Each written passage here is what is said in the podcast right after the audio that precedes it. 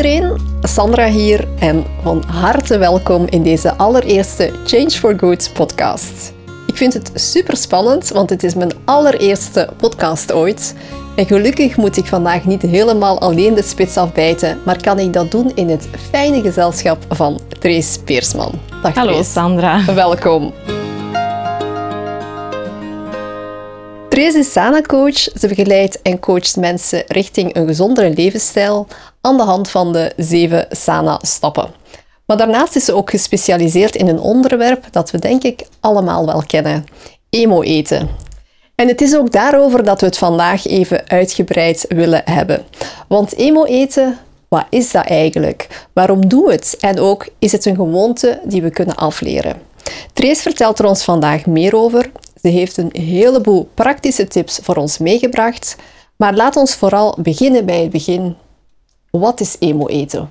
Emo-eten is eigenlijk een manier van eten waarbij dat je niet echt eet uit honger of omdat je lichaam energie nodig heeft, maar vooral uit zin of een echte drang om te gaan snoepen of snakken. Dus het woord zegt het zelf, emo-eten, er zit een emotie onder. En die emotie die stuurt dus eigenlijk uw eetgedrag. En dat is iets wat anders is dan gewoon eten uit honger. dus uh, emoties zoals stress, uh, onrust, verdriet, uh, jachtigheid, dat zijn emoties die, die vaak eigenlijk die snoepdrang of die snackdrang gaan triggeren.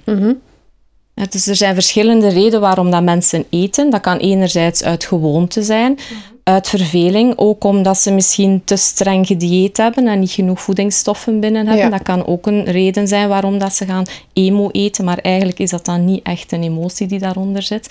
Ehm, om zichzelf te belonen, om je te troosten. Hè. Dus dat gaat dan echt zo dat je troost zoekt in, in voedsel, dat je um, echt wel het gevoel hebt als ik die doos koeken opeet, dan Ja. voel ik mij even beter. Beter, ja. En je gaat dat meestal doorgaans sneller opeten. Je gaat er meer van eten. Je geniet er eigenlijk ook niet van. Dat eerste koekje smaakt misschien, maar die volgende, dat is eigenlijk heel vaak onbewust op automatische piloot. Eh, en je denkt dat je getroost bent, en misschien is dat kort wel zo, Mhm. maar eigenlijk daarna voel je je vaak schuldig en dan Ja. denk je dat had ik beter niet gedaan. En eigenlijk op het eind van de rit ben je niet getroost, maar voel je je nog slechter. Ja, en dat is een vicieuze cirkel. Voilà. Ja. En dan denk je, wat heb ik nu weer gedaan? En ik zal weer opnieuw beginnen. Ja. En zo zit je in een cirkel, wat dat echt wel heel veel energie vraagt en heel veel strijd in je hoofd ook altijd eh, veroorzaakt. Het is ook iets wat, wat vrij veel voorkomt in de praktijk. Ik hoor Ja. dat ook bij de, bij de andere Sana-coaches. Eh, bij jou wellicht nog meer, omdat je dan ook net daarin Ja. ge- gespecialiseerd bent. Ehm, dus je merkt toch wel ja, dat het echt een, een ja, aandachtspunt is. Hè? Want die, Ja. die vicieuze cirkel, eh, die moet je gaan eh, doorbreken. En eh, ja, hoe doe je dat dan En dat is best? zo hè? Hoe- evident, ja, voilà, hoe, hoe begin je ja, daaraan? Het is daarom Ja. ook dat ik tien jaar geleden naar manieren heb gezocht om dat aan te pakken. Mhm. Omdat ik merkte dat enkel voedingsadvies daar niet voldoende was. Klopt. De meeste mensen weten eigenlijk wel de grote, allee, de basisregels van eh, Ja. gezonde voeding wel. Maar kom, botsen vaak zo op een, een muur van op sommige momenten dat ze het niet onder controle hebben. En dat is echt dat emo-eten. Ja, ja. En dat kan je alleen maar gaan aanpakken door echt wel te werken op die eh, inzichten. Door het heel bewust te gaan bekijken. Omdat dat een onbewust proces is dat gebeurt, dat je vaak niet in de hand hebt, is eigenlijk de aanpak daarvan, hoe kunnen we dat wat bewuster gaan maken? Ja, ja. Ja. En kan je een reden geven ehm, waarom we onszelf troosten met, ehm, met voedsel en waarom gaan mensen eh, emo eten? En vooral, we merken ook, eh, het is niet gewoon eten op zich, want ze gaan eerder gaan kiezen voor, voor zoete, En vetrijke gezonde, ja. snacks. Mhm. Voilà. ze, gaan niet, ze gaan geen appels eten, bijvoorbeeld. Ja. Nee, dat heeft eigenlijk vooral te maken met die smaaksensatie. hè. Zeker als je aan suiker denkt, dat geeft een snelle energieboost. En dat, voelt even, dat geeft even een goed gevoel. Dat Ja. geeft zo'n dopamine-shot Ja. eigenlijk. Als je een wortel of een appel gaat eten, Nee. ga je datzelfde gevoel niet hebben. Dat heb je op die moment, helpt dat ook niet. Vaak eh, hoor ik van, eet iets anders, eet een yoghurtje, eet een appel, maar dat geeft niet hetzelfde effect. Nee. Dus het gaat Nee. eigenlijk over die smaaksensatie. Die smaakprikkels van, oh, hm, daar, dat vind ik echt wel heerlijk. Ja.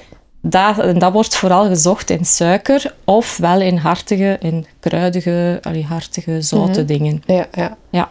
Dus, en ook daar kan je dan tips geven specifiek van, ja, probeer dat eens uh, in de plaats. Uh, ik weet al veel Sana-coaches bijvoorbeeld met lijstjes ook met, met alternatieven werken. Als mensen zich niet goed voelen of ze voelen van, ja, ik ben gestresseerd. Um, in de plaats van impulsief te gaan reageren en te gaan kiezen mm -hmm. voor ja, dat pak koeken bijvoorbeeld, uh, wat kan ik in de plaats doen? Kan je, kan ja. je daar tips rondgeven? Dat kan, dat dat voldoende is door dat te vervangen door iets anders dat ook wel een, krachtig, een krachtige smaak geeft. Mhm. Bijvoorbeeld, hey, daarom ben ik ook wel fan van jouw receptjes die ook vaak heel goed gekruid en krachtige smaken Mhm. hebben. Of bijvoorbeeld een, gold, een golden milk die ook echt Ja. wel zo'n gevoel van troost kan opwekken. Ja, ja. Dus ook die gezelligheid vaak. Hè? Zo Ja. ook, ook een, Zo echt iets voor naar uit te kijken. Ja. Oh, die verse gemberthee. Of oh, die golden milk, daar kijk ik naar uit. Dat heb je niet van, oh, vanavond mag ik mijn wortel gaan eten. ja. Dat heb je minder. Nee, nee. Maar het is niet altijd opgelost door iets anders te gaan eten. Hè? Want je zoekt op die moment troost en Mhm. Ja. dat biedt wel wat troost, maar eigenlijk troost zoeken, dat kan je beter oplossen door iets anders. Andere, door ja. effectief te gaan zoeken van wat helpt er mij echt om, Ja. om mij getroost Ja. te voelen. Kan ik nu niet even vragen aan mijn man van pak mij eens even vast of kan Geef ik eens een eens knuffel. gewoon Ja. voilà, kan ik eens gewoon mijn hart luchten of kan ik eens bellen naar een vriendin en Ja. dat helpt echt bij troost. En ook daar kan je een, een, ja, een SOS-lijstje eigenlijk maken. Dingen noteren bijvoorbeeld, eh, die je graag doet. Helpt dat op, op dat Ja, moment? maar dan is het heel dan... belangrijk om eerst te weten van wat zit er juist onder? Wat is Ja. eigenlijk mijn behoefte? Oorzaak. Waarom? waarom Ja, voilà. Dus Ja. eigenlijk is beginnen bij de kern, waarom neem ik dat? Ja, Daar bewuster van worden. Eh, allee, we beginnen bij de fundering. Als je Ja. gewoon een dieet volgt, dan begin je bij je, je dak en dan heb je Nee. geen fundering en dan gaat het telkens in datzelfde patroon terugvallen. Absoluut. Ja. Maar als we naar de kern eerst gaan, Mhm. hè, dus die inzichten gaan zien van, waarom neem ik dat nu? Ah, dat brengt mij eigenlijk tot rust. Of Ja. ah, dat geeft me even zo'n voertgevoel van, ik moet al heel de dag van alles doen. En dit wil ik echt wel mezelf Ja. gunnen. Ja. Dus dat is, dat is op zich iets anders. Hè. Dus Ja. het waarom. Mhm. Niet van hoeveel neem je en wat neem je, maar waarom. En eens dat je weet van eigenlijk eet ik gewoon omdat ik vermoeid ben, of omdat ik gestresseerd ben, of dat ik opgejaagd ben, of verdrietig of angstig. En nu in deze periode dat je weet waarom dat je het effectief eh, iets neemt, dan Mhm. kan je zoeken naar oplossingen om die behoefte te vervullen. Ja. En daar geef ik meestal de tip. Als je man thuiskomt van het werk op van de stress, sta jij dan met je doos koeken klaar. Ja. Eet maar die doos koeken, gaat je beter voelen. Vaak ga je dan zeggen van pak eens een douche, Ja. lees je krant even, ga eens Ja, met de even hond gaan spuiten, wandelen. ja. Dus bij iemand anders ga je vaak het goede advies gaan geven. Klopt. En dat kan helpen om even te projecteren van oké, tegen mijn man ga ik ook niet zeggen eet koeken. Nee. Waarom doe ik het dan? Ja. En als je zelf je eigen behoeften herkent, dan kan je zoeken wat dat er bij jou helpt Voilà. om dat op te vangen. Ja, dat is een hele goede tip, want we geven altijd supergoed advies hè, aan, aan anderen. Ja. Maar uiteindelijk moeten we ook dat advies Ik denk dat we dat onszelf, allemaal ook wel eh, wat- ja, ja, Bij ja, jezelf is dat moeilijker om je behoeften te herkennen ook. klopt. Ja, ja. Dat is niet zo evident. En daarom dat we ook, ja, mensen daar ook vaak coaching voor nodig hebben, om daar ergens iemand die daarvan op afstand kan mee helpen Ja. om te zoeken wat dat er werkelijk aan de, Ja. aan de oorsprong ligt. En we zijn ook vaak extra streng voor onszelf. Ja, hè? We zijn veel strenger voor onszelf. Tegen iemand anders zouden we al snel zeggen van ja, nee, het is goed, een schouderklopje geven. Ja. En eh, ja, we moeten eigenlijk onszelf ook vaker Ja, maar dat is ook, schouderklopje hè, want geven. mensen die gevoelig zijn aan emo-eten, die zijn ook vaak heel kritisch naar zichzelf, gaan Mhm. zichzelf ook vaak van neerhalen en saboteren. Ja. Het zijn ook gevoeliger, soms hoogsensitief. Ja, Ook vaak perfectionistisch ingesteld, van het moet goed zijn. ja. Het dieet moet perfect, Perfect, zijn. ja, en dat of werkt het is niet, Ja. goed. En Nee. dan, ja, dan gaat het natuurlijk sneller eh, terug uit de bocht gaan. Ook. klopt. Het Het is vooral alles het, of het, niets. het hè. niet zwart-wit denken, inderdaad. Het, het alles Inderdaad, of niets. van, Het is niet realistisch om perfect dat dieet te volgen. Maar Ja. ik moet mezelf wat marge geven. Ja. Daarom ook uw 80-20 Ja. eh, regel van de SANA-methode is ideaal. Omdat je daar weet van, er mag wel Het af en mag, toe ja. iets. En als het mag, dan wordt het ook vaak Ja. minder aantrekkelijk. Klopt, Want ja. als iets niet meer mag, als ze mij morgen zeggen van je mag geen chocolade meer eten, ja, dan denk ik alleen nog maar aan chocolade. Ja. Terwijl als het wel mag, ja, dan geniet ik gewoon bewust van mijn stukje chocolade. En het is vooral ook het feit van...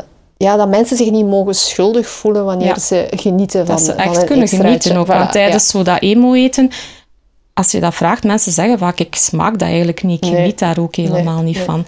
Dus dat is, dat is ook wel jammer, want als je dan eens iets zondigt en je hebt er helemaal geen smaak van gehad, mm dus eigenlijk is het de kunst om te leren van, ik mag die dingen wel eten, maar ik ga daar heel bewust en heel, heel veel van genieten ook. Maar dat is natuurlijk ja, hetgeen dat we de nasleep van de voorbije decennia, waarbij dat de dieetcultuur echt wel heel fel geleefd heeft. Mensen mhm. die, ik heb soms vrouwen van, van 60, 70 jaar die zeggen van ik, ik moet al van mijn 10 jaar mag ik geen chocolade eten. Vreselijk. Het is niet zo evident om dan dat eruit te krijgen, want dat zit daar zo echt, inge, ja. ja, echt wel ingeprent. En dat is niet evident om dan die mindset te veranderen van ja, maar dat mag wel. Ja ja, ja. En dat, dat moeten ze echt leren, hè? Ja, absoluut. Ja, mhm. en gedragsverandering, hè, dat, dat weten we, dat gebeurt met vallen en opstaan. Maar het feit dat je eraan werkt, dat je, dat je merkt van, ja, het is verbetering, ik heb, ik heb er al minder vaak last van, ook dat is natuurlijk al, al heel positief. En, en ik denk dat we dat ook um, ja, dat dat heel belangrijk is om, om te weten dat dat niet meteen perfect zal gaan. Hè. Zelfs met tips en zo, maar dat dat oké is. Dat dat, ja, dat dat een beetje... Dat is ook een belangrijke taak voor ons als coach, om mensen echt wel er blijven op te duiden wat dat de evolutie al is die ze gemaakt hebben. Vaak weten ze niet meer hoe dat ze een aantal weken geleden reageerden. Ik vraag dat vaak van, hoe zou je drie, vier weken geleden op zo'n moment in die situatie gereageerd hebben? Als ze dan zeggen van, ja, dan zou ik een hele pak koeken opgegeten hebben, nu heb ik er maar een paar gegeten. Dan ik heb er meer van genoten misschien. Voilà, ja, dan is het aan ons om te duiden, ja, maar dat is al goed, dat is, dat is een evolutie. Ja, dus, ja, inderdaad. Nu, mensen zeggen heel snel, hè, ik ben een, een emo-eter. Uh, we hebben natuurlijk allemaal wel eens een moment hè, waar we ons minder goed voelen. En voordat we het weten, misschien ja, een reep chocolade opeten. Mhm. Maar op zich zijn we dan nog geen emo-eters. Wanneer spreken we echt van een, een ja, een emo-eter? En wanneer um, moeten mensen echt ja, hulp inschakelen? Wanneer wordt het echt een, een, ja, een beetje een probleem? Ja, ja, emo-eten is natuurlijk een heel breed begrip. Hè. Dus mhm. daar kan je enerzijds het gewoon eens af en toe zeggen van oh, ik heb zin in, in, in een ijsje of een koekje en ik, ik vind dat ik dat nu wel verdien. Maar de andere uiterste is dan echt het, de binge-eating. Dus echt meer een stoornis waarbij dat je dat echt dwangmatig nodig hebt. Dat mhm. dat heel vaak voorkomt. Ja. dus niet iedereen is echt een emo-eter. Dus als je af en toe dat, daar eens last van hebt, van oh, mijn schoonmoeder is juist buiten en ik heb zin in om die schoonmoeders te, te gaan opeten. Ja, oké. Maar het wordt maar een probleem als, er, als je er heel veel negatieve gevolgen van hebt. Ja. Als je gewicht daar echt wel door toeneemt, als je gezondheid daaronder leidt, als je er minder goed door slaapt, als je minder zelfvertrouwen hebt daardoor. Dus als heel die serie negatieve gevolgen daarbij komt, dan is het wel belangrijk voor je eigen zelfzorg om daar iets aan te doen. Ja, ik ben blij dat ik een lieve schoonmoeder heb. ja, dat was maar een, uh, ja. klassiek voorbeeld. Natuurlijk. het zijn zo de voorbeelden die ik vaak wel hoor. De baas of de schoonmoeder. Of, dat zijn zo de... Ja, dat kan soms een persoon zijn, dat kan soms een situatie zijn, dat kan soms een gedachte zijn. Ja, dat Kan, kunnen verschillende triggers zijn ook. Hè. Maar dat is juist het fijne in de coaching, dat we echt heel specifiek gaan zoeken van wat zijn juist die triggers op die moment. Ja. En dat kunnen verschillende triggers zijn, maar als mhm. je weet wat de triggers zijn en je weet wat de behoeften zijn, dan kunnen we aan de slag en zoeken van oké, wat zou er voor u helpen op die moment? Wat zou er u op die moment beetje deugd kunnen doen? Ja ja, dat is inderdaad. En dat klinkt gemakkelijk in theorie, maar in praktijk, mhm. als je vraagt aan mensen van uh, ja, wat doe je graag of waar, waar ben je vaak mee bezig, ja. antwoorden ze heel vaak, ja, ik weet dat zo niet. Mhm. Dat is zo de, de hobby's en ja, mensen hebben minder tijd en de me-time, dat dat er heel vaak aan is. En dat is ook een, een zeer belangrijke. Hè? Tijd voor jezelf nemen, echt, echt me-time en ook weer zonder je schuldig te voelen. En dat is iets wat, dat we, wat dat we soms een beetje moeten leren. Hè? Want uh, ik denk dat, dat we allemaal wel, hè, we willen gezin, onze job, willen alles goed doen mhm. en, en soms vergeten we onszelf. En onszelf, ja. Eigenlijk moeten we, dat is niet egoïstisch, om jezelf op die eerste plaats te zetten, want dan pas kan je ook al de rest goed doen en daar geniet iedereen mee Als je voor jezelf niet goed zorgt, is het moeilijk om voor anderen te zorgen. Dat maar, zo. maar dat gebrek aan me-time is heel vaak de reden voor, voor allee, van emo eten. Ja, ja, ja. Dus dat is eigenlijk wel een heel leuke tip, hè tegen emo eten meer me-time Ja, in inderdaad. plannen. Ja, en Dat er ook echt vaak in de bewust van, Dat van je echt eh, wel genieten. daarom niet... Mensen denken dan vaak van ja, maar dan moet ik een dag verloven, dan moet ik dat. Maar al Nee. is dat maar een Kleine kwartiertje dingen. per dag, Ja. soms met kleine stapjes, kan dat ook al veel Ja, betekenen. Ja, absoluut. Ja. En ehm, dat emo-eten op zich, eigenlijk is dat ook een beetje een vorm van, van, eh, van aangeleerd gedrag. Mhm. Van een gewoonte. Ehm, in die koekenkast duiken naar, eh, na een mindere dag. ehm, kunnen we die gewoonte ook echt weer gaan afleren? Ja, je kan die gewoonte afleren, maar daarvoor is het weer nodig om te zien van wa- waardoor komt dat eigenlijk? Wat zit daar eigenlijk achter? hè? Want het is ergens begonnen met eh, een, een vluchtmechanisme. Hè? Dus je komt thuis, je hebt stress en onbewust denk je, ja, die koeken gaan mij helpen. En je hersenen gaan dat gaan onthouden en willen Ja. telkens als je dat gevoel hebt als je thuis komt, terug koeken hebben. Maar als daar... Pavlov-reflex eigenlijk. Ja, hè? voilà. Ja. Dat is conditionering Ja. ergens ook.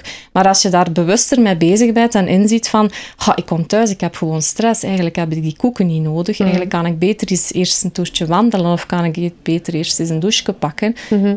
Dan gaat, dat dan gaat dat helpen om die gewoonte om te buigen. Ja, ja. Maar je moet natuurlijk bereid zijn om dat nieuwe dingen te leren Voilà. en die gewoonten veranderen. Ja, weet je ook, dat, dat vraagt zijn- wel wat tijd. Absoluut. Ja. We zijn eh, allemaal gewoontedieren. Hè? We doen het liefst wat we altijd al gedaan hebben. Ehm, maar ik denk wel dat je allee, zelf ook merkt in de praktijk, als Mhm. je dat stap voor stap aanpakt, hè, geleidelijk aan, met vallen en opstaan, Ja. dat, het, dat het zeker kan. Ja. Uh, je zal ongetwijfeld wel, wel ja, heel wat voorbeelden kunnen geven van, Van in de praktijk, van, eh, bij mensen waar, waar het echt wel hebben ook. is. Hè. Ja. Maar het moeilijke is dat dit eigenlijk een, een onbewust gestuurde gewoonte is. Hè. Dat je niet, niet, vaak niet doorhebt waardoor dat, dat komt. En dat je dat onbewuste eerder bewust moet gaan maken en dat je dan pas verder kan gaan. Ja. Dus dat is eigenlijk ons eh, reptielenbrein, dus ons oerinstinct. Dat als dat Mhm. Ja. overprikkeld geraakt, dan staat uw eh, rationeel ehm, uw rationeel verstand even volledig op nul, letterlijk. We zien dat ook op hersenscans, dan is die activiteit nul. Dan denk je, dat is zo gelijk een roes. Ja. En dat reptielenbrein neemt het over en zegt ook, nu vluchten. Ja. Dat is, eigenlijk is dat een instinct dat we hebben. Moest er hier brand uitbreken, dat we de reflex hebben om te gaan lopen. ja. Maar dat is eigenlijk hetgeen dat er gebeurt. Dat reptiel zegt, ik kan de- deze stress niet aan, dus ik vlucht in koeken. In- ja. Op het moment als je die dan gegeten hebt, dan is dat reptiel terug een beetje gesust. Mhm. En dan begin je terug rationeel te denken. En dan denk je, waarom heb ik dat nu toch weer gedaan? Ja, is, het is geen kwestie van karakter hebben. Het is kwestie van inzicht hebben van wanneer begint dat beest, dat reptiel, Ja. Wakker te De worden en wanneer eh, neemt dat over. En als we die in de kiem kunnen smoren en zoeken hoe dat we dat kunnen oplossen, dan zijn we vertrokken. Ja. Maar dat is werken aan die fundering, aan Ja, die basis. ja. En dat is niet zo makkelijk. Nee, maar het kan. hè. Het is het, is moeilijkste en het langste proces, maar wel het proces met het meeste resultaat op lange termijn. Voilà, ja. En mensen voelen zich nadien ook zoveel beter. Hè, omdat Klopt. ze voelen van, oké, Ja. ja. ik heb terug meer controle daarover. En, en dat geeft ze heel veel rust. Klopt, ja. Maar de grootste valkuil is, is zeggen van ik ga terug een dieet volgen en ik ga er echt vol een bak in Ja, vliegen. De meeste is- mensen zeggen ik heb, dat, ik heb al alles geprobeerd. Ja. Ja, dat En is ook heel fijn aan de. SANA-methode.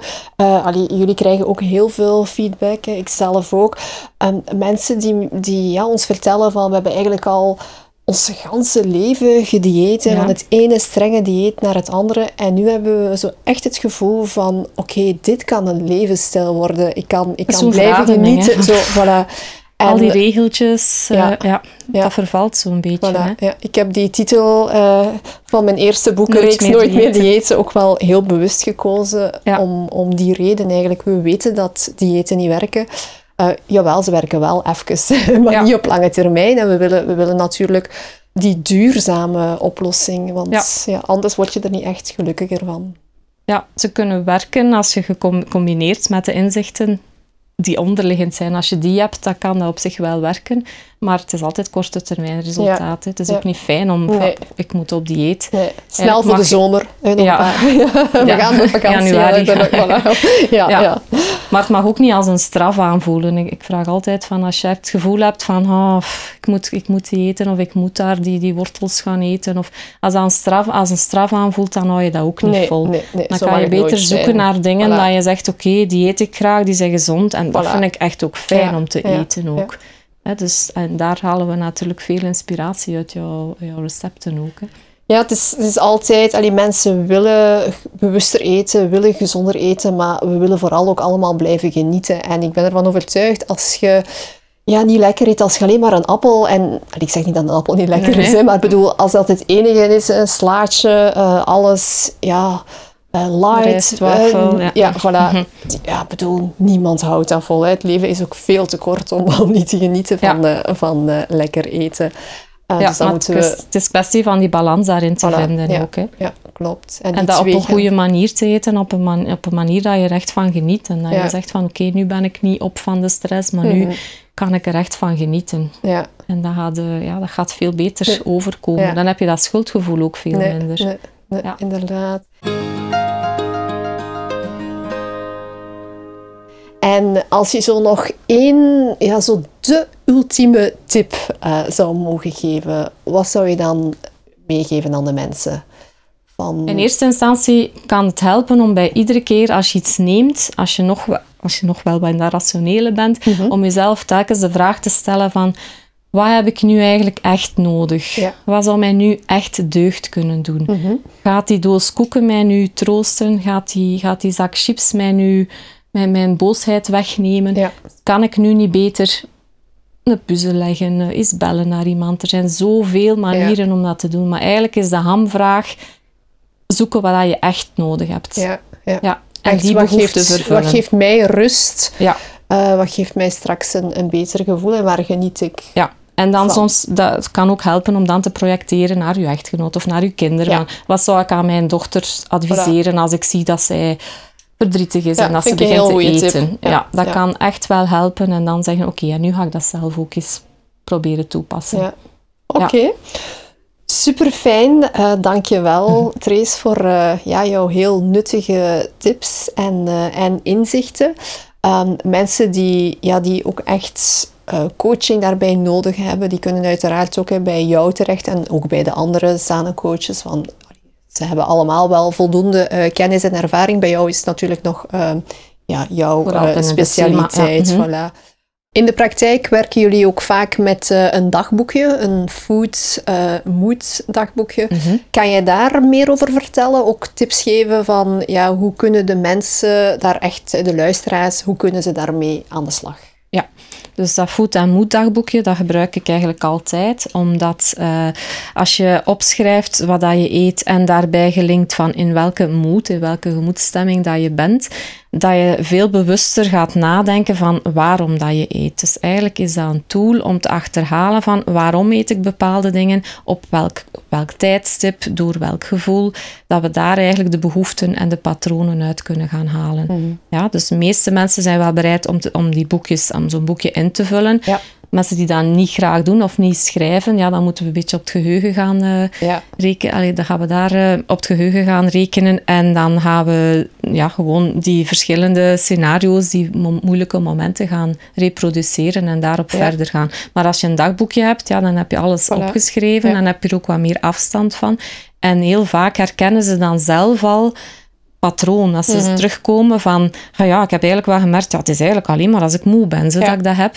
En dan, kun je, dan ben je vertrokken ook. Ja, en daar dan kan is, je heel veel informatie voilà. uithalen. En daarmee dat het ook altijd belangrijk is, het komt ook aan bod, hè, uiteraard in het, in het uh, zeven weken plan, dat mensen ook het, het moeten noteren in hun boekje hoe het echt is. Want ja. pas dan kunnen ze eruit leren. Het heeft geen ja. zin om alleen de, de goede momenten uh, te noteren. Nee. Want ook dat hoor ik vaak hè, van, van uh, ja, coaches, eh, dat mensen maar een deeltje van dat dagboek gaan invullen. En dat ze bijvoorbeeld zeggen van ja, die andere dagen heb ik niet genoteerd, want die waren minder goed. Ja, ja daar heb je natuurlijk nee, niks nee, aan. Dat natuurlijk... kan je wel ja, zien van... Maar ik, ik, zeg daar eigenlijk altijd bij, dat dagboekje is niet voor mij. Ik, lees, ik neem dat ook niet en ik lees dat ook niet. Dat is vooral voor zichzelf. Voor, ja. En dan schrikt dat ook niet af van oei, ze gaat alles lezen wat ik uh, opgeschreven heb. Maar ik laat ze gewoon aan de hand van hun dagboekje vertellen, een aantal momenten uitpakken en die bespreken we dan. Ja, zeker omdat dat over gevoelens ook gaat. Vaak is dat ook iets, ja, ze weten van hoe ze gaat dat allemaal lezen. Tuurlijk. Dat is persoonlijk, hè? Ja, een dagboek is persoonlijk. Voilà. ja, dus ik laat ze dat meebrengen en dan vraag ik aan welk moment ja, sprong, er van, sprong er eigenlijk uit. En wat, wat was het moeilijkste moment? Kunnen we dan een keer ja. uitspitten?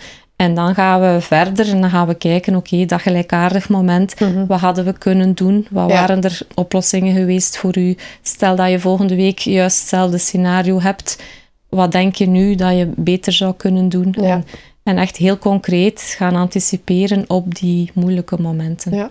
Ja, en zeker die, pat- die patronen herkennen. Hè. Als je weet van, ja, die vermoeidheid is bijvoorbeeld de oorzaak, dan moet je die vermoeidheid gaan, Ja. gaan aanpakken. En, en dat is wat je dan zegt, de basis, hè, die, Ja. die fundering.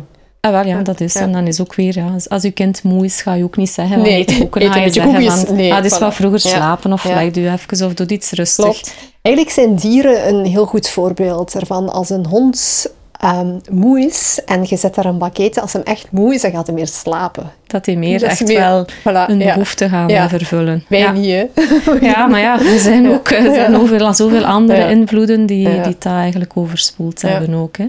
Is niet zo evident. Plus, ja, mensen die gevoelig zijn aan emo eten, zijn ook vaak eh, hoogsensitief of gevoeliger en hebben Mhm. ook veel meer prikkels. En daardoor geraakt ook meer overprikkeld. Ja. En gaat dat reptielenbrein heel vaak zeggen van ah, ik heb iets nodig, Ja, want ja. het is wat te fel, het is wat te veel.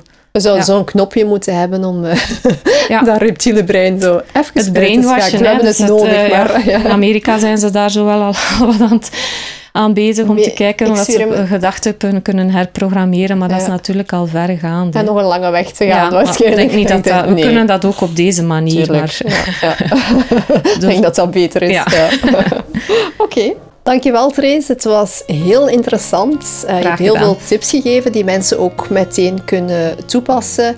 En voor de luisteraars die nog extra coaching nodig hebben, ze kunnen natuurlijk ook altijd terecht bij jou of bij de andere Sana-coaches. Die informatie ehm, staat allemaal op de, op de website. En eh, aan de luisteraars, ja, ik wil jullie vooral bedanken. Eh, het was heel fijn dat jullie aanwezig waren op mijn allereerste podcast. Heel veel succes en graag tot binnenkort.